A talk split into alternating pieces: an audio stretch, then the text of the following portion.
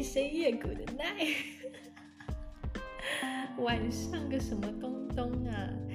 好，大家好，我是星星，今天是二月十四号，西洋情人节，怎么会在礼拜一有星星的节目呢？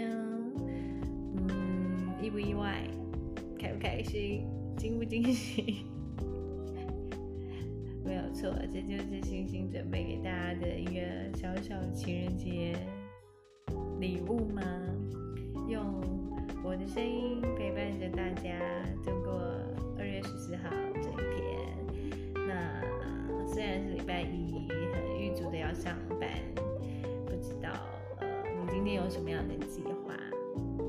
那如果没有计划的话也没关系，至少有我陪着你。二十分钟到三十分钟时间，应该也是一个小确幸吧。好，刚刚的刚刚的开场，嗯，辣茶的点哈，让大家开心没关系。今天要讲什么呢？今天嗯，我没有特别想要介绍什么情人节的庆祝，呃，推荐景点啊，推荐餐厅，甚至是送礼守则。什么什么之类的，或者是探讨良心话题，因为我觉得有一点有点腻吧。既然既然这么大，嗯，这种大言不惭的说这样子的话题很腻，其实对我来讲，我真的觉得蛮腻的，因为这些这些这些资讯好了，我我应该用资讯来说。这些资讯其实大家动手上网查一查，也都可以知道。那我今天到底要录什么呢？就来跟大家分享一下我我找到的还蛮有趣的的的资料好了。因为哎，为什么会有趣？就是因为我不知道。然后我查了之后发现，哎，这还真的就蛮好玩的。我我没有想过有有。有人会特别特别花这么多心思来针对情人节，所以就跟大家分享，让大家听听。那如果你呢，二月十四号情人节没有庆祝，错过了，或者就是一个人开开心心的，也无法。那今天节目内容介绍其他的日子，那你也可以看作是情人节之后。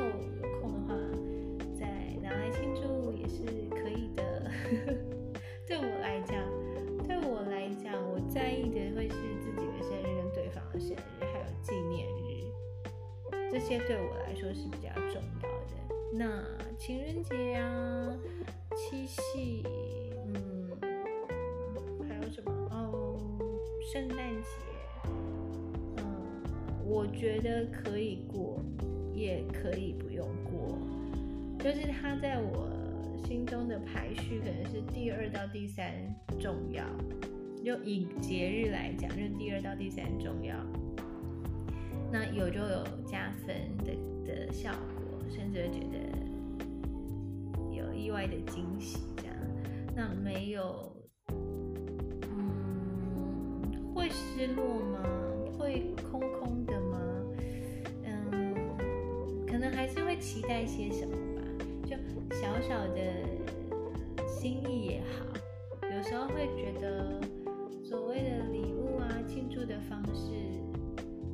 不需要太炫耀的，或者是做给别人看的，让别人羡慕的，或者是拍一些很漂亮的照片发现动，然后让大家觉得你过得很棒的生活，或者有一个很棒的伴侣。我觉得那个。那都那都那都不不不是那么的重要，那有一点是为了作秀而而去做的事情，但是能够一起度过美好的一天，有个约会，有个行程，嗯，让对方跟让让对方知道你你你在意在乎他，也能够。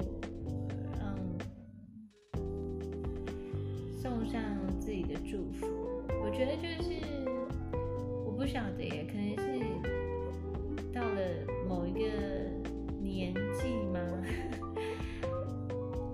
觉得更看重的会是这些事情的意义吧。嗯，好，又开始 老人废话时间。总而言之，我想表达的是，哎，情人节要不要过就开心，两个人有共识就好，不要为了这种事情吵架。那能不能跟嗯朋友过？当然可以啊。能不能跟家人过也可以啊。可不可以一群人一起过？可以啊。或是可不可以不要过？当然也无法。该怎么讲？就是在而且而且。你如果都是选在这种节日跟大家一起去过的话，人很多，餐厅又订不到，反正总之去哪都是一堆人，然后就会显得也不叫做廉价，就是大家一起去跨年凑热闹的感觉。我我想表达的意思就是这样，那也不是说那种什么偶像剧的台词，说什么。只要两个人在一起，天天都是情人节，这种恶心的话，怎么可能？怎么可能天天都是情人节？能够不吵架就已经很棒了，好不好？能够不要烦来烦去就已经很棒了，好不好？所以大家不用对于那种呃这种跟伴侣相处或者是情情人相处。呃在一起都会是嗯美好的幻想，这种实在是太天真了。好，总之我只是母亲，只是简单的分享一下我对于节日的看法。好，快进入主题，免得我又东扯西扯，我要扯去哪里了？今天要跟大家介绍的是，嗯，情人节其实有十四个，听。到了有没有？大家想说什么？不是只有两个，顶多三个，大家熟悉的嘛。二月十四号西洋情人节，然后七月七号，农历七月七号七夕情人节，然后再来是很久很久以前从日本传来传流流行过来的三月十四号白色情人节嘛。那呃。其实扣掉扣掉这三个我们知道的，还有别的哦。所以今天就在新的节目里面跟大家分享这个有趣的小小资讯好了。那如果你是真的是很浪漫很浪漫的人，你也可以把所有的情人节都。都可以过，那你会非常的呃忙碌且充实。不知道为什么讲这一段，我觉得很好笑。好，来，我们来看一下，诶，其实呢，一年十二个月里面，每一个月的十四号都是情人节。哎哎，我今天讲这个资讯不是拿来让你那个哦骗你的伴侣的哦，就是大家不可以告诉大家的资讯去做不好的事哦，嗯汤哦。我今天就是真的是资讯分享，然后让大家知道一下这些情人节的意思是什么。好，我们从就从一月开始介绍，一月十四号是日记情人节。日记情人节呢。在这一天，情侣们会互相记录一年恋爱故事的日记本，然后这个礼物象征着两个人将携手走过未来的一年，并且留下很多美好的回忆。一年有甜蜜的十二个月。所以每一个月都会有专属的花材花束，让他每个月呢都能够享有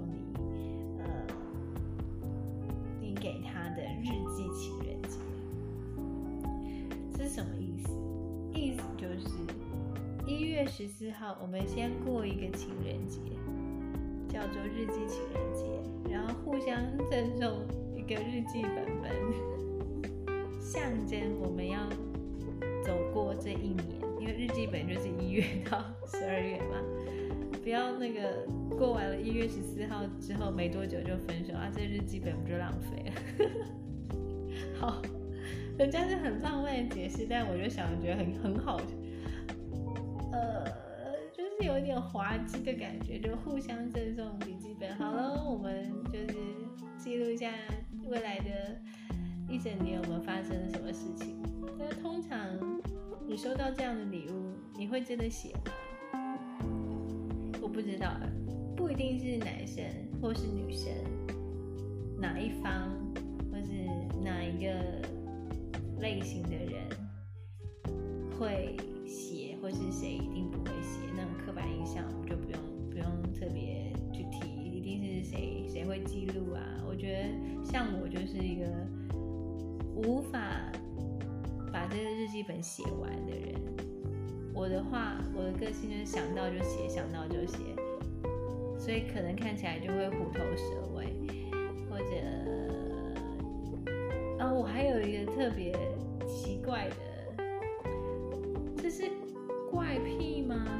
执着？就是如果你送我一本很精美的记事本、笔记本，我如果写了觉得很丑，我又不想要用立可带或者立可白，甚至贴纸把它把它掩盖过去，我就会想要撕掉。可是如果你撕掉了，你就会破坏这个笔记本。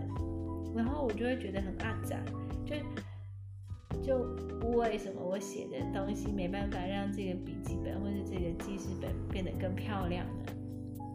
就这我怪癖，所以有些时候收到很漂亮的本子，我宁可不写，然后就放在那边，隔了很久之后发现，哎，这本怎么都没有动过？所以后来我才会比较喜欢，呃。一张一张的方式，就是明信片的方式。我之前有跟大家分享，因为对我来讲就不会是一个负担。一个本子那么漂亮，然后你如果哪一天写把字写丑了，或者是反正就是又撇了什么东东，又沾上了什么污渍，我我我的内心就会觉得哈，我毁了一个东西。好啦，这题外话，就是我我的一个小小小坚持这样。好。再来，二月十四号就是 Valentine's Day，Valentine's。Valentine's 翻成中文叫做华伦亭。哇，华伦亭耶！啊，华伦亭情人节 Valentine's Day，在西洋的传统当中呢，呃，就是这个主角，他就叫做 Valentine。好，那个故事大家都知道。好，那。在西方呢，大家会很慎重其事的为恋人选择礼物跟鲜花，表达自己的爱慕之情。那如果我这里有个小传说，如果呢很重感情的少男少女，按照古老的传说，这古老传说就是在。二月十四号的前一个晚上，也就是二月十三号晚上，把月桂树叶放在枕头上，然后期盼自己可以在梦中跟心上人相会。这什么意思啊？就是你在情人节的前一晚，把月桂树叶放在枕头上，你就可以梦到自己的心爱的人。然后呢？然后隔天就是过节嘛。哎，传说故事就到这里哎。所以就前一个晚上睡觉梦到对方，然后隔天很开心的去与他相会嘛，是这个意思吗？嗯，好，那的他的传说只有写到前面，然后后面到底会发生什么事情我也不知道。啊，在美国呢，Valentine's Day 是年轻人。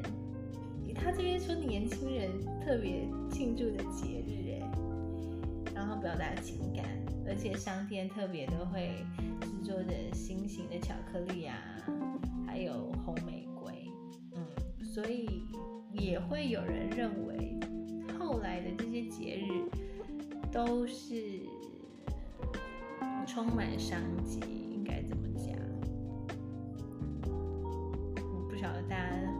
特别趁着情人节的这一天，嗯，顺势的去做一些平常不敢做的事，例如告白。有人会选在二月十四号告白吗？那那你如果告白成功是很好啊，就会很甜蜜。那告白失败，告白失败，嗯，不止自己受伤，可能也毁了对方的二月十四号。所以星星的建议是，可不可以不要在二月十四号告白的？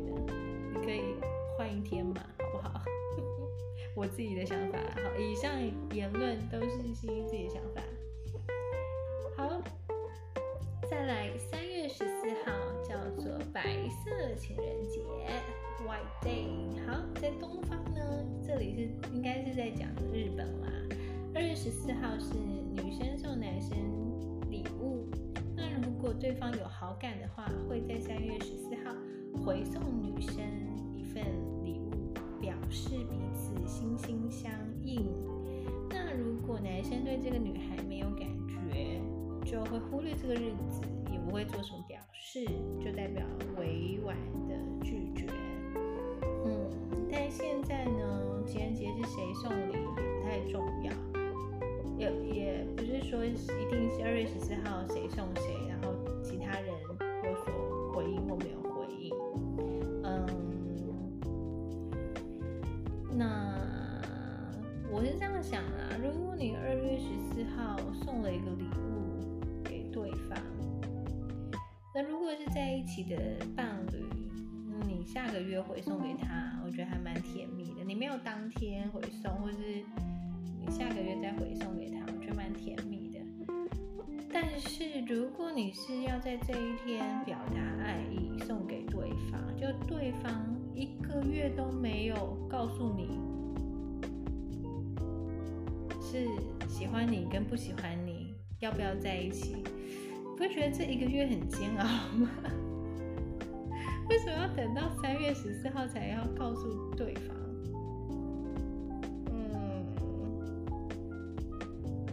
觉得呢？我觉得这样子让对方等了一个月好吗？还是说，我不太明白耶。如果二月十四号跟对方表达想法跟心意，然后一整个月你都不知道他到底是喜欢还不喜欢，等到三月十四号你才发现他有回送，跟他没有动作，没有做任何反应，那这一个月的煎熬该怎么办？知道哎，我充满问号，我对于这个这个这个环节有些不理解，还是大家？觉得没关系，就这样。还是大家觉得，以你们的生命经验来讲，凡是告白跟被告白都是成功的吗？嗯，好，我对于这个、这个、这个、这个、这个、这个环节 产生问号。为什么要一个月之后才会揭晓对方到底对自己有没有心意？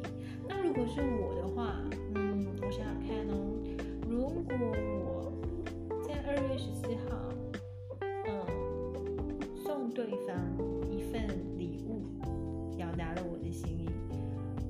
我可能希望他，如果他当下，或是可能一周内有几天吧，他就可以告诉我他的意思是什么，不需要等到三月十四号。我觉得那个太久了吧。好了，这我的想法。那如果是我收到，嗯。别人送给我表达呃心意的礼物好了，或是东西都 OK，就是你知道你你你你是被喜欢的，那我也觉得，我也觉得你要不要接受这份喜欢跟这份情感，要不要给彼此一个机会去相处？我觉得应该不要拖那么久吧。因为我不想要这样被对待，不想要就是一个心悬在那边，所以我也应该会在更合适的时间告诉他，绝对不会拖一个月吧。所以对对我来说，三月十四号回送礼物这件事情，我比较觉得可以是已经是在一起的情侣可以做的吧。我不知道哎，我的想法是这样。好，那接着来看，有白色的情人节，就有黑色的情人节。这是什么？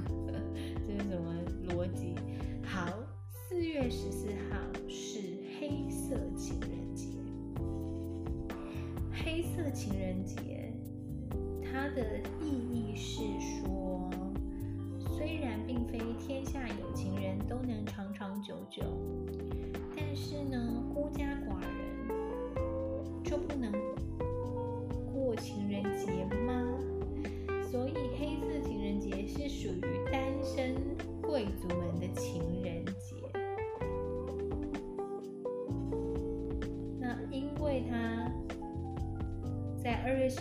跟三月十四号都没有收到别人的表达，那所以他就可以在四月十四号这一天，大家都没有 收到礼物的人聚在一起，化悲愤为力量，热热闹闹的庆祝一番，呃，所以就称之为黑色情人节。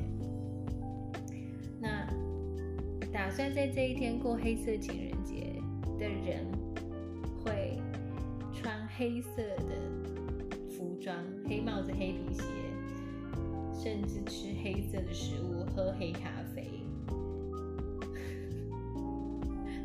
然后一起一起跟同样是穿着黑色服装、黑帽子、黑皮鞋、黑咖啡、黑色食物的人们一起庆祝。黑色情人节。我觉得这个好好好可爱哦。可是我也蛮常穿黑色系的衣服哎，所以如果不巧在四月十四号也也变这样的话，那大家就可能会推想说，哎，新宿在过黑色情人节，这好有趣。四月十四号这一天，我来观察一下路上的人有没有，哎，我说不准，反正我觉得这蛮有趣的。到目前为止，我觉得这个四月十四号蛮有趣的，黑色情人节。接着五月十五号，五月十五号呢叫做黄色与玫瑰情人节 （Yellow and Rose Day）。好，那为什么叫做黄色与玫瑰情人节呢？它的意思是说啊，如果你已经到了五月，你都没有任何的恋情，在这一天就穿着黄色的衣服，吃黄色的咖喱饭。这个意思是什么？告诉大家，I'm still available 的暗示，就哎，我还是单身，我还是非常嗯，怎么讲，享受或者是期待着爱的来临。而且啊、因为五月其实算春天呐、春天将黄色穿在身上是非常符合呃季节的气氛。那这个是解释了它为什么叫做黄色情人节。那它又又叫做玫瑰情人节的意思是五月是玫瑰发芽的时候，然后呢天气非常适合出游，所以呢呃情侣会选在会选在这些这这这这个时节出游，这一天到户外走走，因此呢五月十四号也有玫瑰情人节之称。那也就是说，你如果还没有办，你的五月十四号就是黄黄色情人节。那如果你有办了呢，你的五月十四号就会是玫瑰情人节。嗯，好。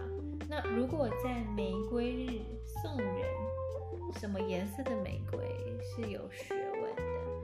如果是送红色玫瑰，代表情投意合，表达爱意。那如果送白色玫瑰，就代表还在犹豫。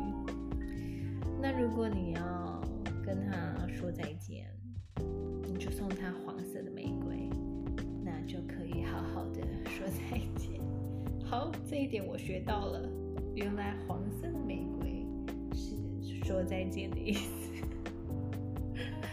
嗯，果然这资讯还蛮不错的耶，我自己也吸收到不少。那进入到六月，六月十四号又是什么情人节呢？六月十四号这一天叫做亲吻情人节 （Kiss Day）。好，这一天呢是成双成对恋人重要的节日，在这一天，情侣们不必害羞，可以大大方方的亲吻对方，表达爱意。在这样的节日，有任何的情话就大胆的说出来吧。亲吻情人节可以献上可爱的、可爱的花束，比如说玩偶花束啊。就算不常见面，那些可爱的玩偶呢，就可以代表你的分身，让你的情人呢想你的时候，看看可爱的玩偶，就可以想想想象你在身边。觉得这个 Kiss Day 是拿来骗人的吧？表达情感跟亲吻不用特别选在六月十四号吧？好啦，他们也不是说只有在六月十四号才能这样子表达，而是我觉得对于前面那个黄色情人节跟黑色情人节，我觉得亲吻情人节我就没有特别什么。特别的感觉，就觉得哦好，嗯，OK，跳过。好，下一个七月十四号。好，这个不是七月七号哦，因为七月七号是农历农历七夕，叫做七月七号，所以不是国历的七月七号。嗯，这是中国的七夕情人节。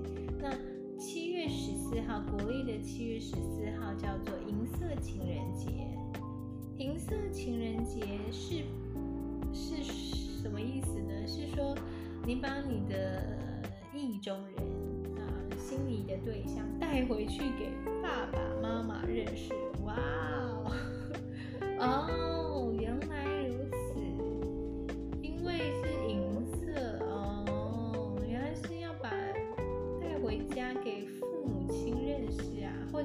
者是介绍给你所尊敬的长辈。的的的好机会，当然这一天的全部开销都由可爱的长者买单。为了安全起见，请先确认长长者长辈熟悉这个节日。哎，我觉得这个这个要求有点过分了耶！为什么你带你的意中人给给家里的长辈认识，还要找长者买单？他们应该觉得心理压力很大跟很负担吧？你还要叫他买单，这有一点，这有点为难为难长辈耶。我觉得，哎，我我觉得这个还是 不要这样做好了，就可以带回家让家人认识，但也不要让长辈买单吧。情人啊，银色情人节，爱侣也可以互相赠赠。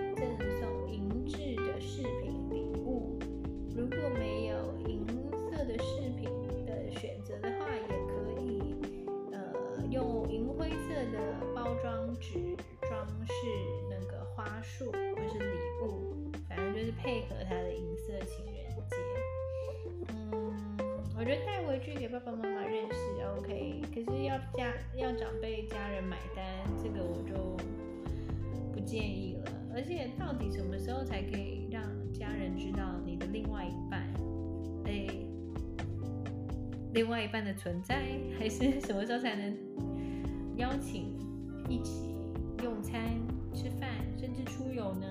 不晓得，以后有有机会我们再来讨论。我觉得这也是一个蛮有趣的，嗯，叫什么社会观察吗？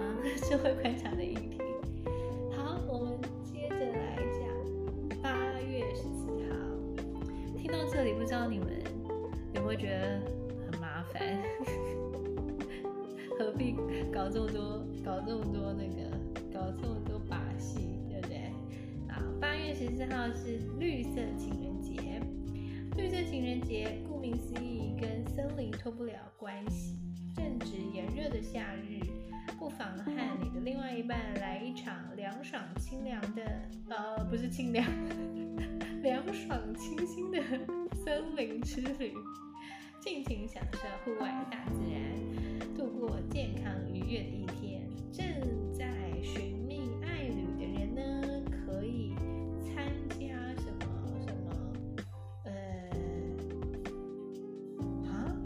加一个派对。这个派对是一个韩国烧酒品牌的一个派对。哎，我不知道有这个东西耶。大家等到八月十四号的时候可以搜寻一下，有没有什么绿色情人节派对？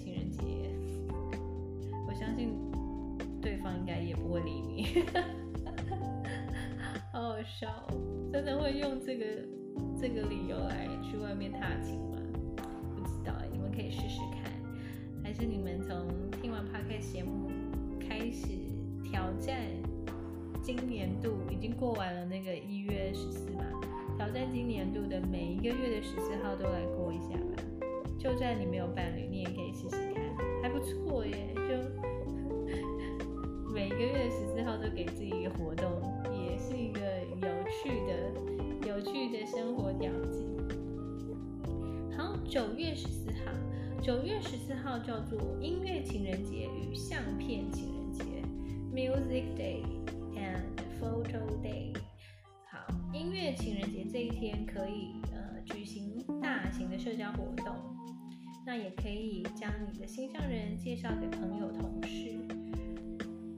如果单身一族的话，就可以在活动现场看看有没有嗯喜欢的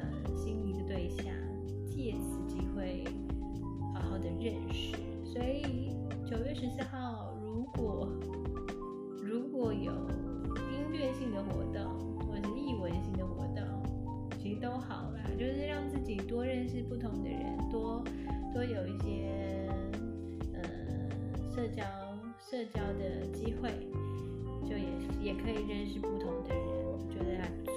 像这个音乐情人节跟相面情人节，我觉得也蛮也蛮商业的，哎，但不要用商业来想。我觉得这这个这个这个情人节我会记起来，九月十四号，比什么绿色情人节好吧？好，十月十四号，十月十四号，这个情人节也好棒哦，叫做葡萄酒情人节 （Wine Day）。十月十四号这一天呢，恋人们可以，小酌葡萄美酒，庆祝充满诗意的秋天。小两口会选在浪漫且别致的餐厅用餐，然后谈谈未来，因为已经过了十月了嘛，这边拿拿那个一月送的笔记本翻一翻，讨论共同的生活话题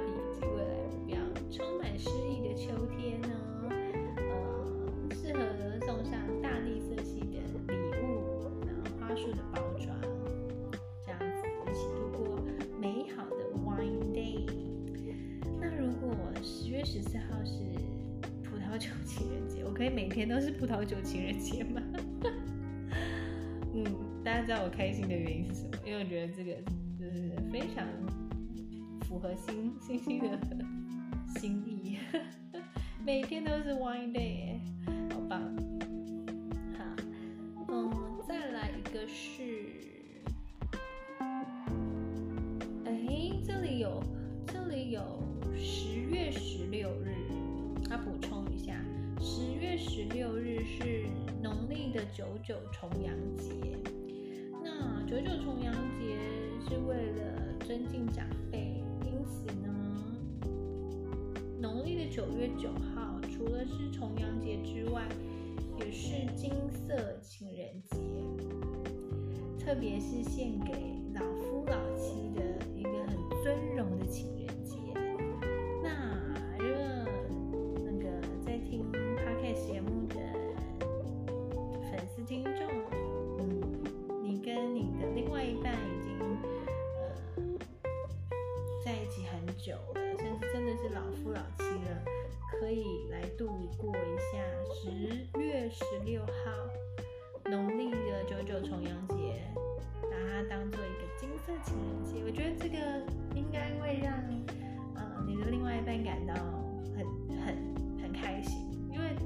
较少人知道，这有一点浪漫的氛围。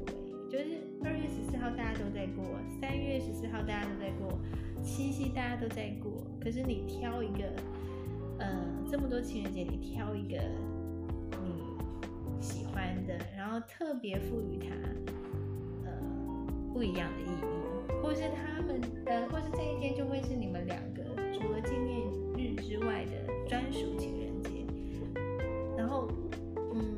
告诉他为什么要在这一天过，我想那个就会更有意义吧，因为别人不知道啊，别人没有，就你们两个独有的，你会觉得很棒吗？嗯，我我觉得这个是蛮棒的耶，有想到老夫老妻的爱情，金色情人节就分享给大家。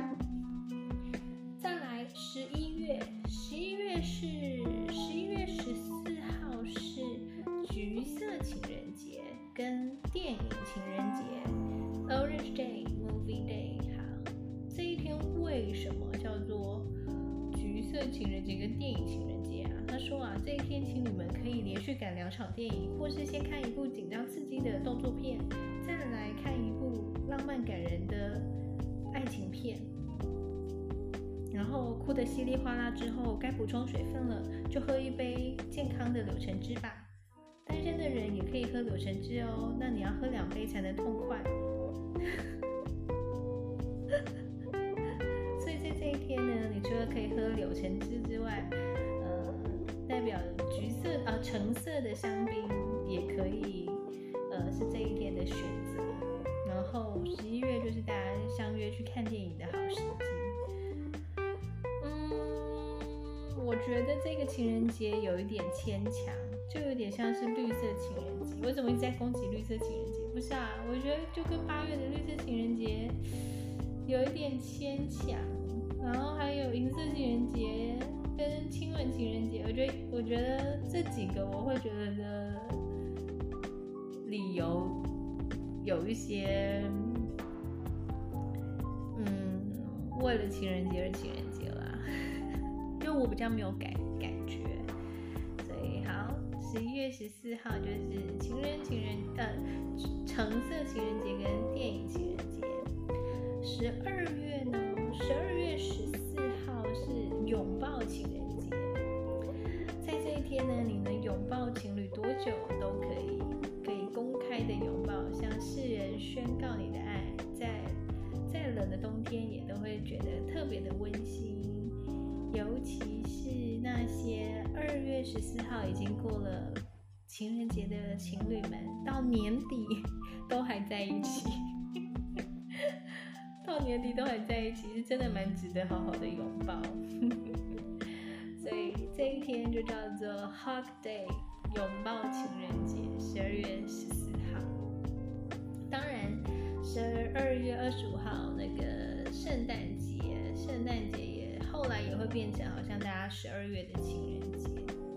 以上是一整年的情人节故事，不知道大家听完了这个漏漏等的情人节介绍，对你来说哪一个印象深刻呢？或者是跟星星一样有一些自己的想法？对于我来讲，我觉得那个黑色情人节就蛮有趣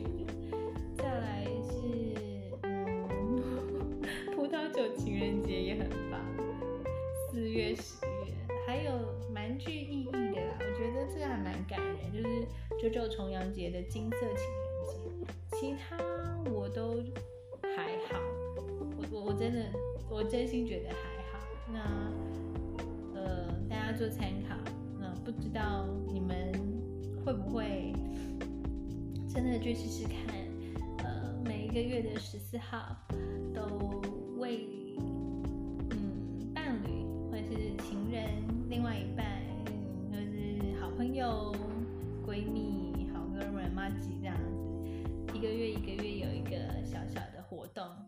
这个仪式感也不错。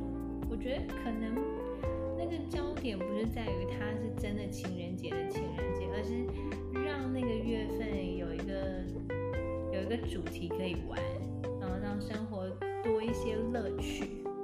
我想是这样。